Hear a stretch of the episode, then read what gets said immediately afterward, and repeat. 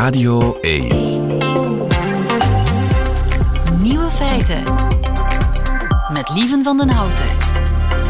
Dag en welkom bij de podcast van Nieuwe Feiten van vrijdag 13 oktober 2023. In het nieuws vandaag dat we weten wie Donald Trump kan verslaan in de presidentsverkiezingen. Biden en Trump staan nek aan nek in de peilingen. Tegelijk vindt 75% van de Amerikanen dat Biden te oud is om nog president te blijven.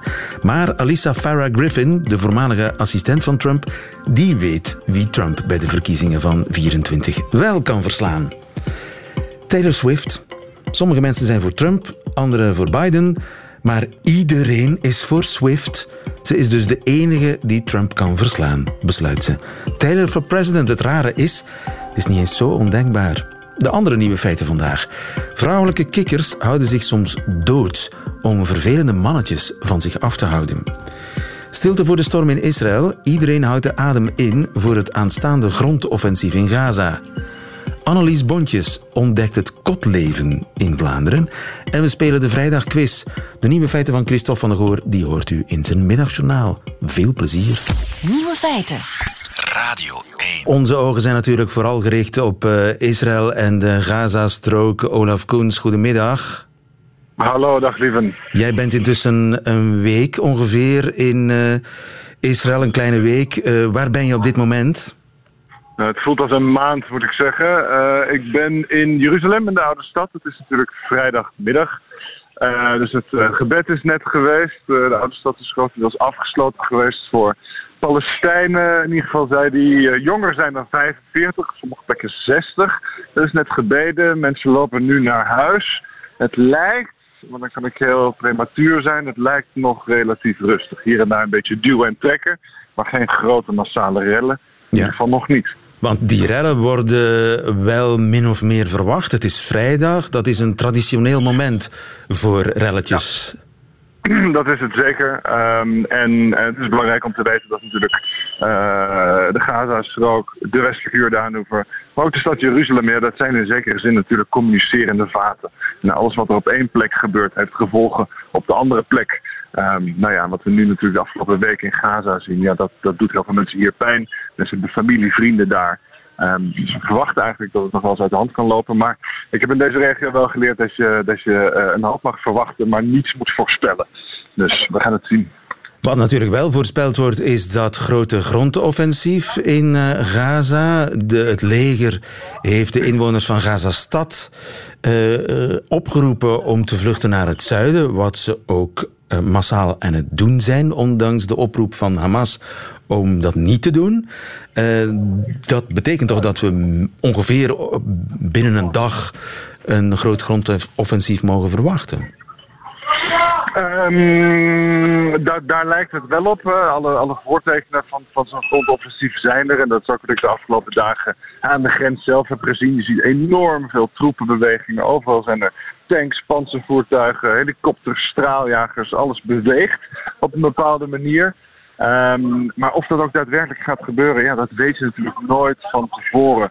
Um, uh, we zien natuurlijk nu dat, dat, dat Israël specifiek de Gazastrook al af heeft gesloten van, van water, van elektriciteit, van, van medische voorzieningen, van hulpgoederen.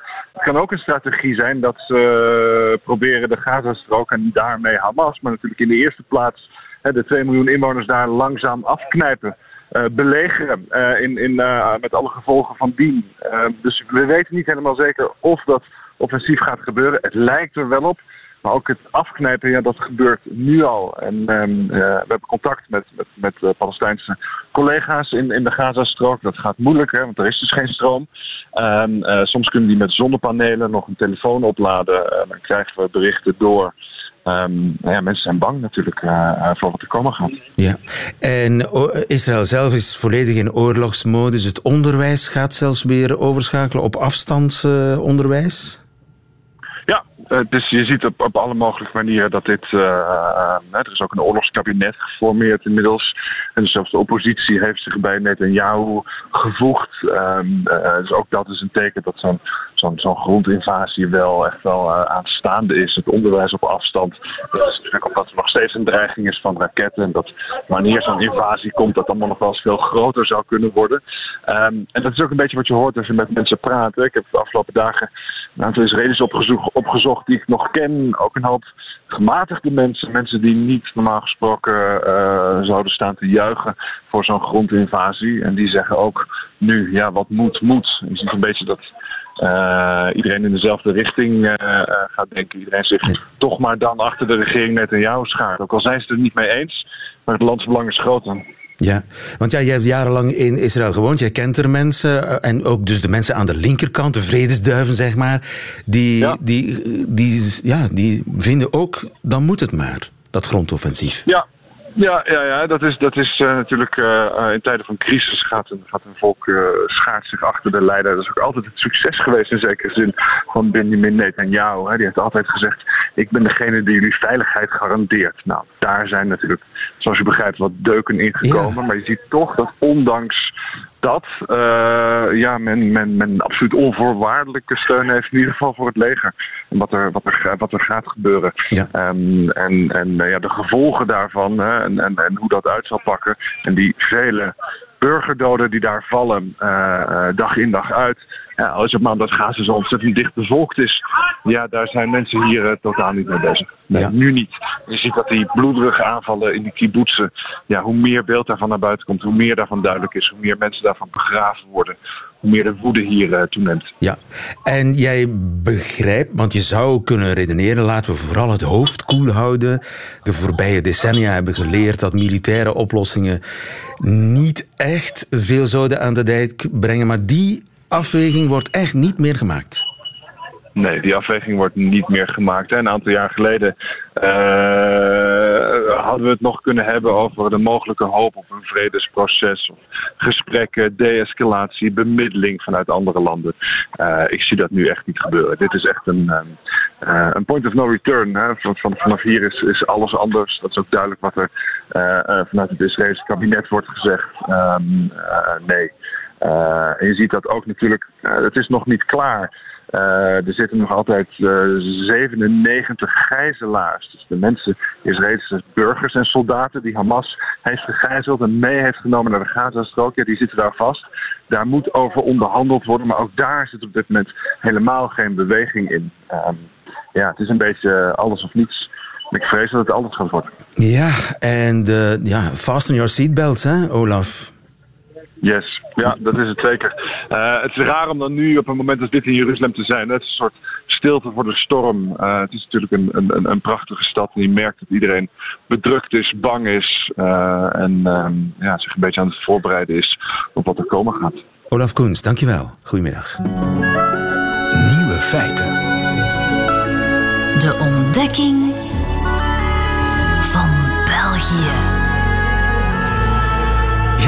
Israël is een land die moeilijk echt te begrijpen valt. Maar misschien is België bijna even moeilijk te begrijpen. Nou. Annelies eh, Bontjes, jij doet uh, elke week een poging. Ja. Uh, jij bent de correspondent van het Nederlandse dagblad Trouw in Brussel. En jij leert elke week weer nieuwe dingen. Ja, zo is dat. Onder andere een nieuw verkavelingsvlaams woorden. Trouwens, verkavelingsvlaams. Even verkavelingsvlaams. Maar dat, die, houden, die houden op zich. Oh, ik dacht, we, we gaan de volgorde een keer omgooien. We, we, we, noteren hem, we noteren hem. Annelies, wat heb jij deze week ontdekt? Nou, uh, lieven, ik, uh, ik dacht ik moet toch eens een keertje wat meer rondreizen. En ik, uh, ik ben een dagje naar Leuven geweest. Mooi. Ja, in het weekend. Mooie stad. Ja, nogal wat ontdekt op die dag. het was namelijk niet afgelopen weekend, maar het weekend daarvoor op zondag. En toen zat ik in de trein en toen naar Leuven, heel dichtbij natuurlijk. En toen werd er omgeroepen, het is de dag van de klant. Nou, toen heb ik alweer wat nieuws geleerd. De dag, dag van, van, de, de klant. klant. Ja, ontzettend leuk. Dus toen werd ik bedankt dat ik met de trein reisde op deze, het weekend van de klanten. Ja, heel leuk.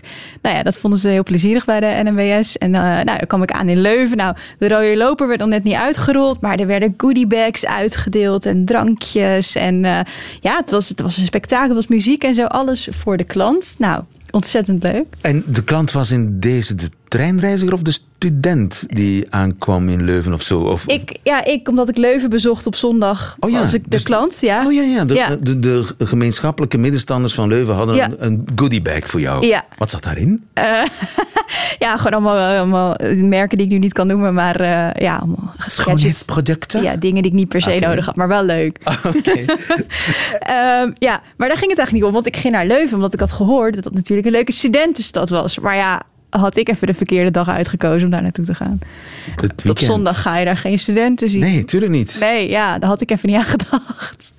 Maar eh, zie je dan wel studenten in Utrecht op ja, zondag? lieve, dat is bij ons toch echt wat anders. Ja, Le- Leiden loopt vol studenten in het weekend? ja nou, ik heb gestudeerd in Amsterdam, ja, dus dat, dat weet ik sowieso. Ja, ik ging in het weekend echt niet terug naar mijn ouders. Nee, in het weekend was je juist vrij en dan ging je lekker uit met je vrienden. En, wa- eh, waar, waar woonden je ouders? In Horen, daar kom ik vandaan. Dat is eh 30 kilometer boven Amsterdam. Ja. En dus jij ging op, op kamers? Ik zoals- ging uiteraard op kamers toen ik ging studeren. Hoe ja. heet dat in, het- in het Nederland? In het Vlaams Ja, Nederlands? op kot. Op kot, Op yes. kot. Applaus. Die telt, hè? Ja. Ja, ja, die telt absoluut. Bingo. Eh, dus jij ging op ging kamers? op kamers, ja. ja. En eh, je ging in het weekend niet naar huis? Nee, nee, nee. Ik had ook heel veel zin om op kamers te gaan en eh, om het nieuwe Amsterdamse leven te ontdekken. Maar dus in Nederland betekent op kamers gaan eigenlijk gewoon niet meer thuis wonen. Gewoon verhuizen. Echt op kamers gaan en daar ook echt gaan wonen. Maar natuurlijk, dat is, dat is Op ja. kot betekent bij ons ja, vrijdagavond naar huis, zondagavond eh, terug. ja, maar dat is zo. eh, ja, heel apart. Sowieso vond ik dat al gek. Maar eh, er hoort nog iets bij, want je gaat niet zomaar naar huis, maar je gaat dan ook nog naar huis met zo'n koffer. Ja, tuurlijk. Ja, dat vond ik ook zo gek. En wat zit er in die koffer? De was. Ja. hoezo, hoezo hebben die studenten geen wasmachine? Die studenten hebben geen wasmachine. Ja, dat is- die, die hebben geen eigen badkamer. Die hebben gewoon een, een- één kamertje en een gemeenschappelijke douche. Ik had ook geen eigen badkamer, maar wij hadden wel met de gang gewoon een, eh, een wasmachine. Ja, nee, eh, ja, dat, dat vond ik Dat is de simpele oplossing eigenlijk. eigenlijk wel, ja. ja. Eigenlijk wel. Dat ja, daar en, niet aan eh, gedacht hebben. Ja, nou, en die koffer heb ik nog wat geleerd. Namelijk, want die koffer die gaat niet alleen vol met schone was zondag weer terug. Maar dan wordt er ook nog bakjes met eten allemaal meegenomen. Ja, dat is toch ook wat? Schattig. Ja, heel leuk. Maar dan niet voor één dag, maar dan gewoon dus voor meerdere dagen dat je eten meekrijgt vanuit huis. Ja. ja. ja. Ja. Heb je daar een verklaring voor? Waarom dat in Nederland zo ondenkbaar is? Bijvoorbeeld?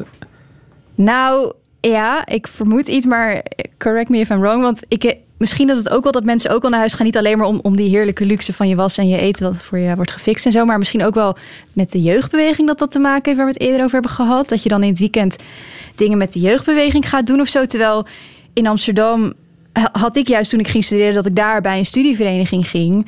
Dus juist dat ik nieuwe vrienden in Amsterdam had gemaakt. Dus je met- verenigingsleven, je jeugdbeweging bij wijze van spreken, speelt zich af in je studentenstad. Juist, ja. Dus dan heb je een beweging die net eigenlijk andersom gaat. Maar ik weet niet of dat... eh, ja. En is dat ook een neiging om eh, uit het dorp of de kleine stad waar je vandaan komt, om daaruit eh, te, v- te vluchten, is een te beladen woord, om, om, om, om verdere horizonten op te gaan zoeken? ja, dat denk ik toch wel. Ja, je ontmoet nieuwe mensen en die komen, die komen uit het hele land. En eh, internationale studenten. En ja, je, je gaat gewoon voor een nieuw leven als je gaat studeren. En natuurlijk gaan er ook wel heel veel studenten naar hun studietijd verhuizen die weer terug. Maar dat is pas na je studietijd.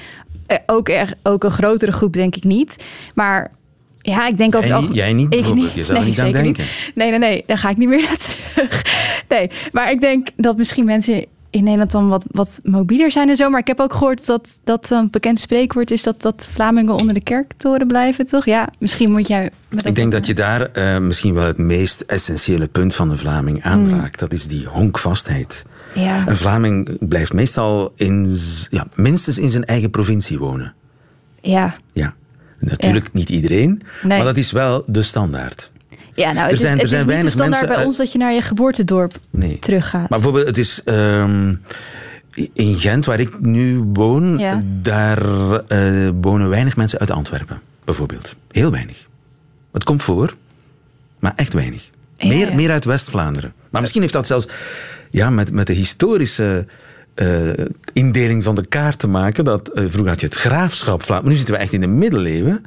Maar ik denk dat dat histori- historische verklaringen heeft. Waarom wij meer gehecht zijn aan die kerktoren. Ook heel veel oorlogen, bezetters, vijanden. Dan kruip je samen veilig onder de kerktoren. Ja, maar dat, je hebt het nu over heel lang geleden. Ja, dat, dat werkt volgens mij Maar we door. leven toch nu in een super geglobaliseerde wereld. Iedereen is mobiel. Je kan, je kan juist met de trein zo makkelijk overal naartoe gaan. Ja. Ja. Willen Vandaar ook zelfs... Dan niet nieuwe plekken ontdekken? Eens een keer ergens anders wonen? Eens een keer met andere mensen praten? Ja, daar- daarvoor zit jij hier, hè? Ja. Nou ja, dat is... Het werkt ook door in de taal, volgens mij. Dat zelfs die, die gehechtheid van de Vlaming aan zijn lokale streek, eh, accent, dat, de- en die, die verschillen ook in die talen. Limburgs klinkt heel of Limburgse accenten zijn zo verschillend. Die taalverschillen zijn ook veel kleiner in Nederland. Iemand Ja, uit ja. Brabant, je hoort dat iemand uit Brabant komt. Noord-Brabant, Den Bosch of Tilburg, of zo, je hoort het. Maar het verschil is eigenlijk niet zo groot. Nou ja, en het is niet dat die mensen alleen in Brabant of Den Bosch wonen, maar die, die verplaatsen zich. Ja, vandaar dat kan die Brabant bij elkaar Amsterdam komen. Ja. Vandaar ook dat die talen dicht Ja, bij ja, elkaar ja. zitten.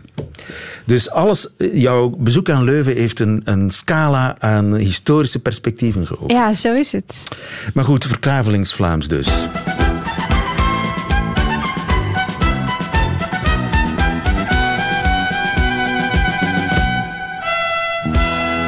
Examen Vlaams. Wat is verkavelingsvlaams? Dat is echt, dat is niet eerlijk.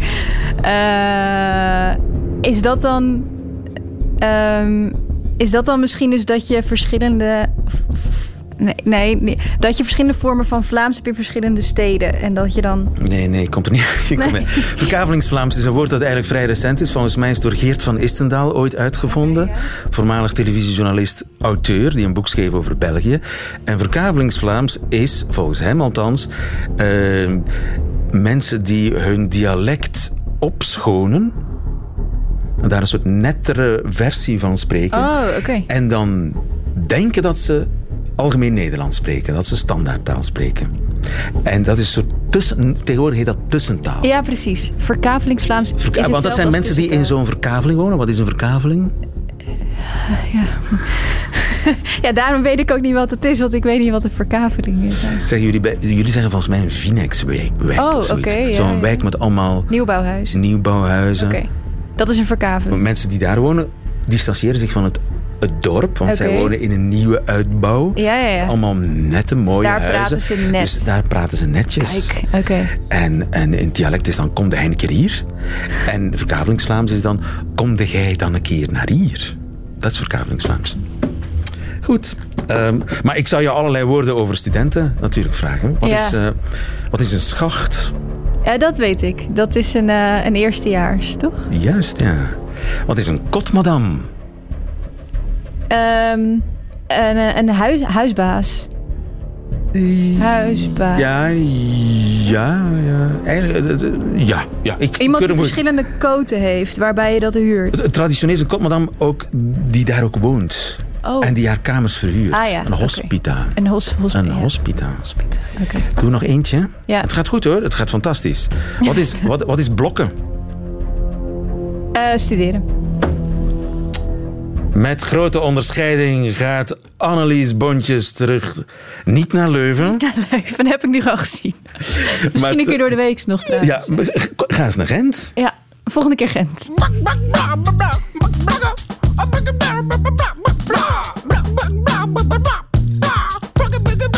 Nieuwe feiten. Verkrachting, dat komt vaak voor bij kikkers.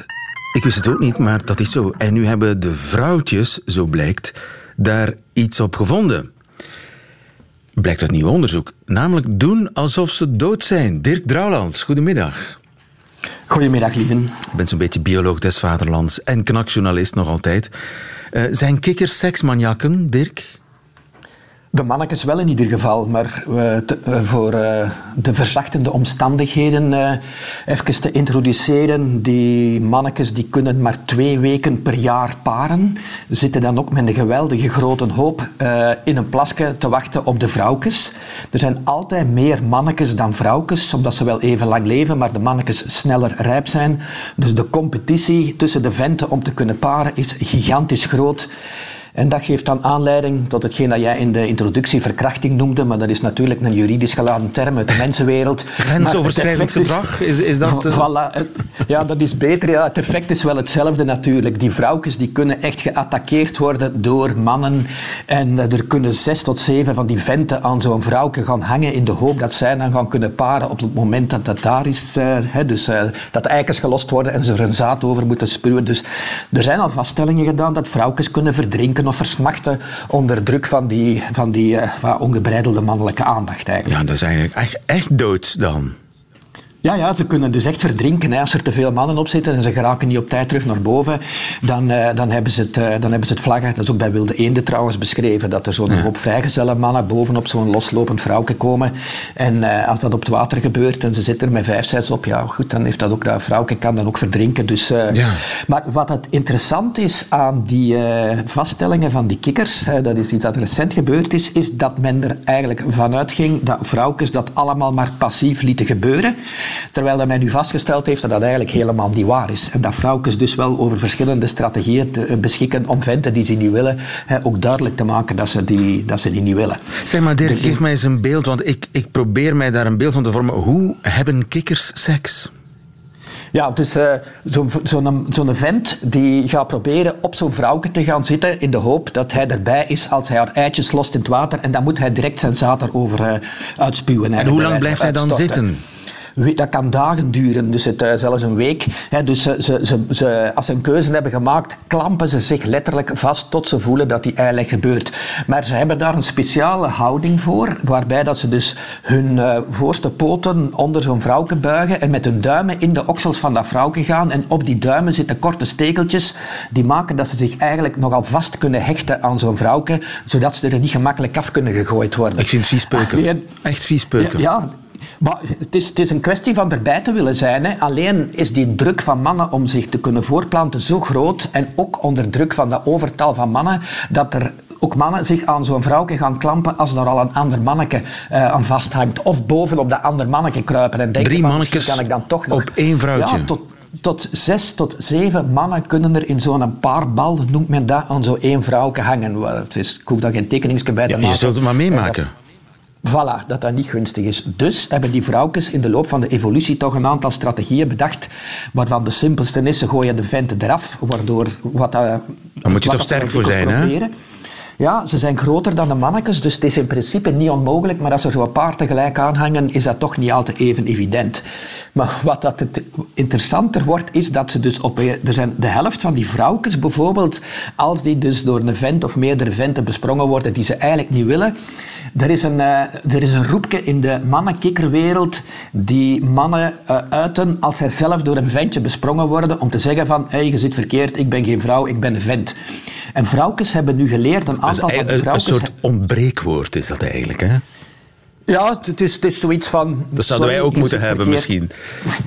ja, het zou, het zou misschien... Ja, als vrouwen nee zeggen, dat hebben mannen ook niet altijd gehoord. Hè. Dus het, ik weet ook niet of dat, dat uiteindelijk veel verschil zou maken in een aantal situaties. Maar in ieder geval, wat er hier gebeurd is, is dat een aantal vrouwtjes geleerd hebben om dat mannelijk roepje te imiteren. En die doen dus even alsof dat ze een vent zijn. En als dat manneke dan verstandig genoeg is, dan denk je van, oh, oei, ik zit verkeerd en ik bol het af. Dus ja. het, uh, dat is dus een strategie die... Barking up the wrong tree. Zeggen de voilà, voilà. Ja. Maar en de recentste is, en dat is eigenlijk een hele mooie, is dat men vastgesteld heeft dat een derde van die vrouwtjes kan faken dat ze dood zijn.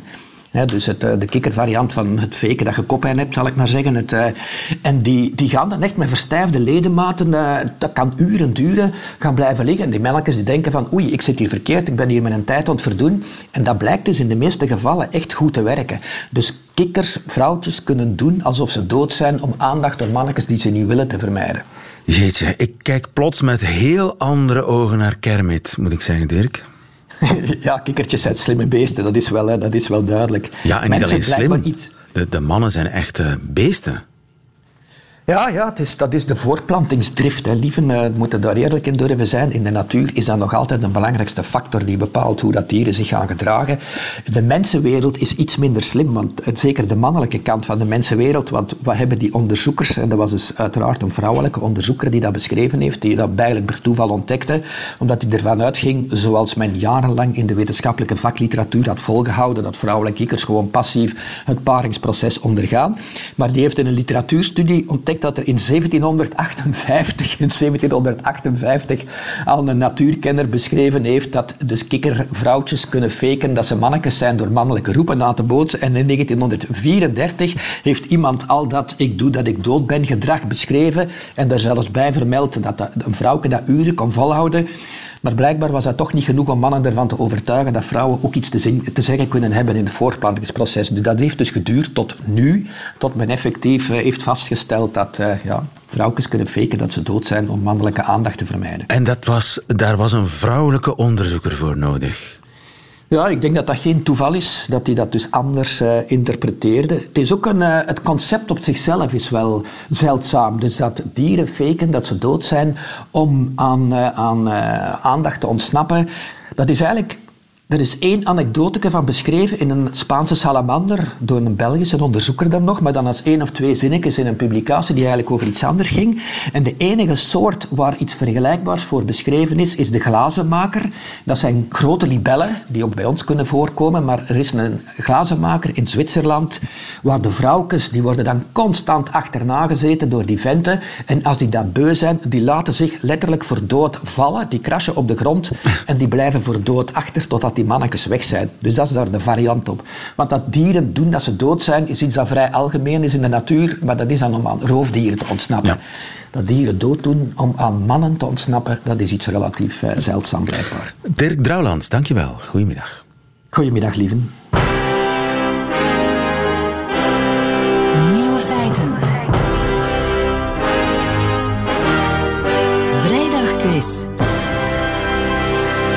Nu wordt het bittere ernst. 25 euro valt er te verdienen in de vorm van een boekenbon die te verzilveren valt bij een boekhandelaar aangesloten bij Confituur.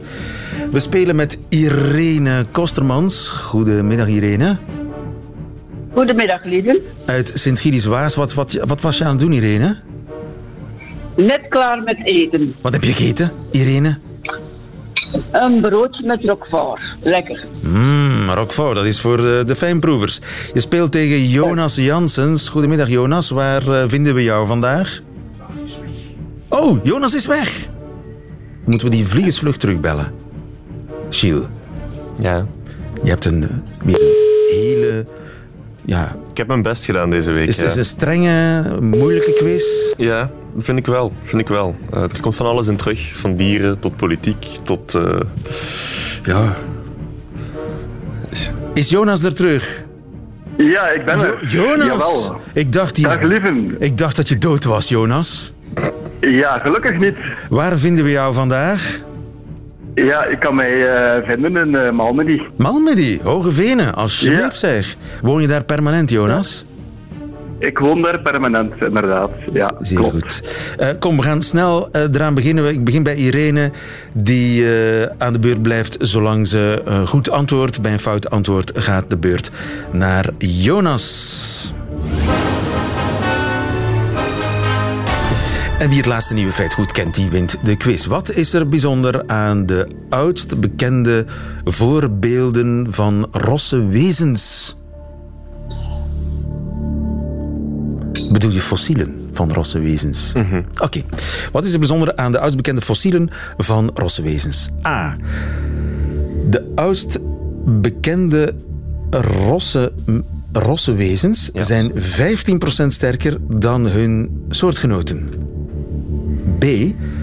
De oudst bekende rosse wezens zijn kikkers. On topic. C. De eerste rosse mensen. Mag je dat zeggen eigenlijk, rosse mensen? Mensen met, mensen met ro ro roskleurig haar. Blonde mensen. Okay. De eerste rosse mensen waren een aparte diersoort. Oké. Okay. A, B of C? Irene. A. Oh, mijn jingles werken niet. Ah, het is fout. Ja, het is echt chaos vandaag. Maar het is oké okay. fout. Spannend, spannende quiz. Dus de beurt gaat naar Jonas. Ja, als semi-rosse man eh, zou ik dan zeggen eh, B. Dat is helemaal goed. De oudste bekende ros. Identificeer je dan ook als een kikker, Jonas? Eh, je hebt een beetje je? uitleg voor ons, geloof Ja. ik, hè, eh, Gilles? Ah wel, ehm, het gaat specifiek over het pigmenttype pheomelanine. En dat is nu gevonden in eh, de fossielen van 10 miljoen jaar oude kikkers. En dus Dat betekent niet dat rosse mensen afstammen voor, van kikkers. Voor alle duidelijkheid, onze laatste gemeenschappelijke voorouder is 350 miljoen jaar oud. Maar we weten wel, we krijgen een beetje meer zicht op de geschiedenis van dat pigment. En dat is ook wel handig, want pheomelanine is, eh, hoe noem je het weer, fototoxisch. En dat betekent dus dat het, wanneer het blootgesteld wordt aan UV-celbeschadiging, oplevert. En dan is dus de vraag, waarom hebben zoveel dieren, van kikkers tot mensen, dat eh, pigmenttype, terwijl het eh, giftig is? Die, dat antwoord hebben we nog niet, maar we, hebben nu wel de- dichterbij. de, het eerst, de eerste keer dat het gezien is in een wezen. Wel, we weten nu in ieder geval al dat de oudst bekende rosse wezens kikkers zijn. En wie weet wat we daarna nog vinden. Vraag 2. Jonas, wat gebeurt er met de meeste Amerikanen wanneer ze Europa bezoeken? A. Ze stemmen minder voor de Republikeinen als ze terug thuis zijn. B. 42% koopt een fiets eenmaal terug thuis. C. Ze vallen af zonder op hun eten te letten. Ik eh, hok, eh, het klinkt eigenlijk alle drie aannemelijk, maar ik hok eh, op C.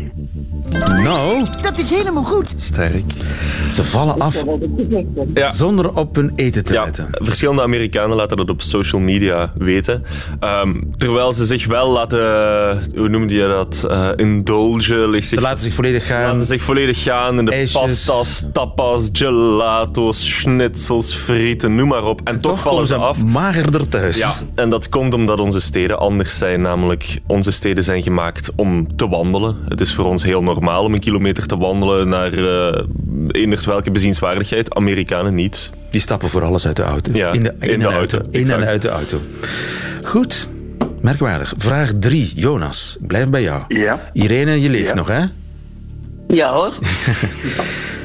Maar je hebt een ijzersterke tegenkandidaat, Jonas. Waarom gaan mensen zo snel akkoord met de privacyvoorwaarden van Alexa, de voice-assistent van Amazon? Is dat A, omdat de mensen denken dat het een mens is? B, omdat de mannen haar meer sexy vinden klinken dan Siri van Apple? Of, of C, bijna een kwart van de Amerikaanse oma's heet Alexa en dat schept een band. Eh, Oké, dan ga ik terug eh, hokken en hok ik op C. Fout. Irene komt in de wedstrijd. Ai, ai, Het is eh, niet zo dat eh, Alexa een gemiddelde oma-naam is. Maar waarom vertrouwen de Amerikanen Alexa zo? A of B, Irene? Ehm, toch A. A, omdat ze denken dat het een mens is. Dat is helemaal goed.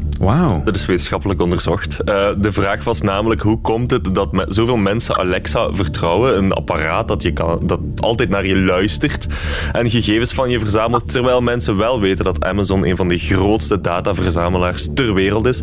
En het antwoord is simpel. Ze denken dat Alexa een soort secretaresse hebben, eh, eh, is. En wanneer ze het hebben over Alexa, dan spreken ze ook in zij en haar. Maar wanneer ze het hebben over het systeem achter Alexa, is het het. Dus Alexa is meer een mens. En dus Dan- vertrouwen ze die makkelijker als Alexa vraagt... eh, Ja. Ben je akkoord met de privacyvoorwaarden? Tuurlijk, Alexa. Tuurlijk, kind. Luister maar, Alexa. Vraag 4 is voor Ja, Alexa Irene. klinkt niet zo echt doorsnee grootmoedersnaam. Ja, ja, heel, heel, heel, eh, ja, ja, ja, ja, ja. Vraag 4, cruciale vraag. In Amerika is een nieuw soort koffie gemaakt met citrusolieën, kersenextract en marshmallows. Koffie gemaakt van citrusolie, kersenextract en marshmallows. Waarom werd die koffie gemaakt? A. Voor de kinderen. B. Voor op het vliegtuig.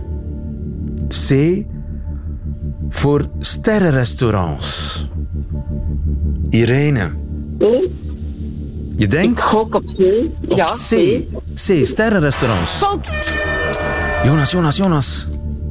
Ja, Grijp je ehm, kans. A. Fout.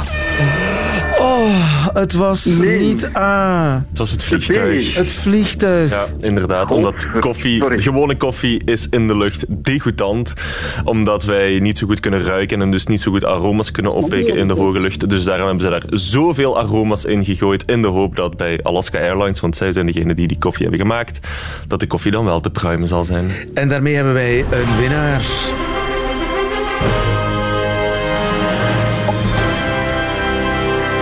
Irene, gefeliciteerd. Weet je al welk boek je gaat kopen met je bon? Ja, ik denk wel. Door het boek van Tommy Wieringa. Tommy Wieringa, die overigens Ja. eh, over enkele weken het middagjournaal zal bijhouden. Dus uitstekende keuze. Oké. Irene. Kostermans gaat naar huis met de hoofdprijs.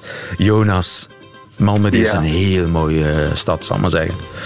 Dus geniet Ja. ervan op deze laatste nazomerdag. Terwijl we naar Lil dankjewel. Lindfors luisteren.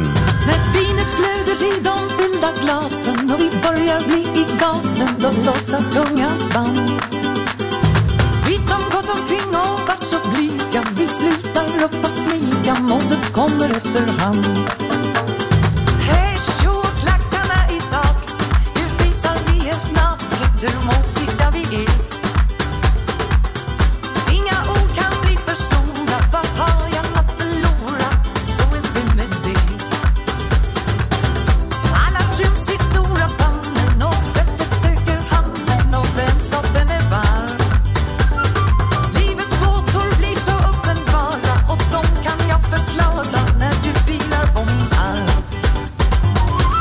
zo dansen wij het weekend in met de Zweedse legende Lil Lindfors. En nu is het tijd voor Christophe. Nieuwe feiten. Middagjournaal.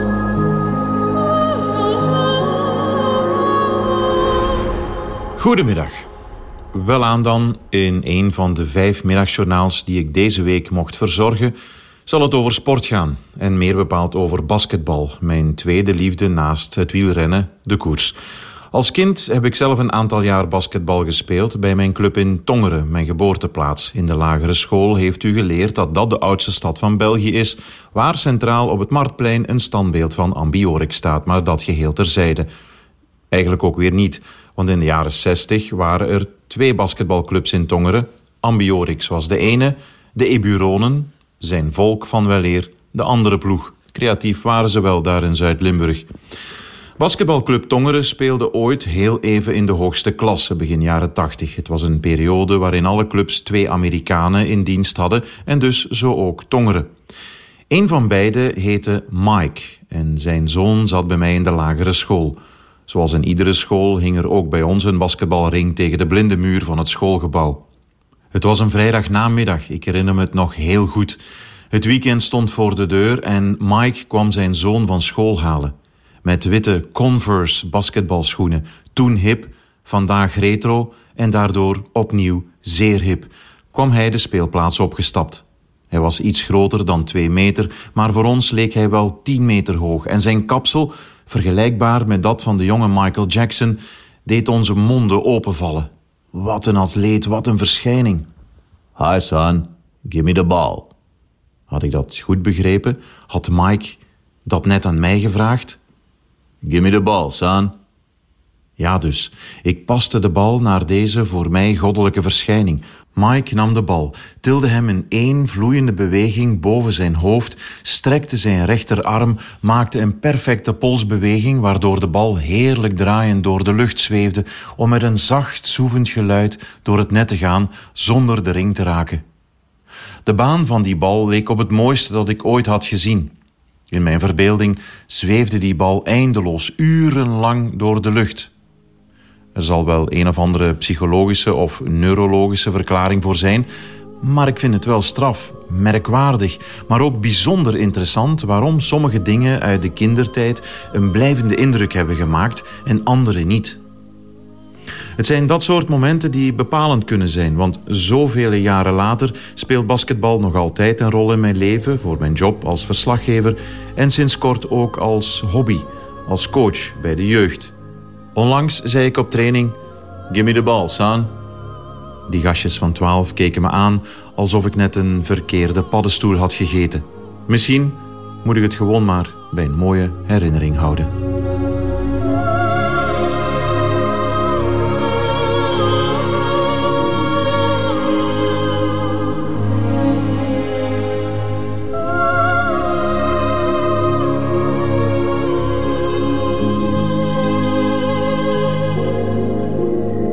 Het middagjournaal van en met Christophe van de Goor. Einde van deze podcast. Hoort u liever de live versie van uh, Nieuwe Feiten? Dan kunt u uiteraard elke werkdag luisteren naar Radio 1 tussen 12 en 1 middags. Tot een volgende keer.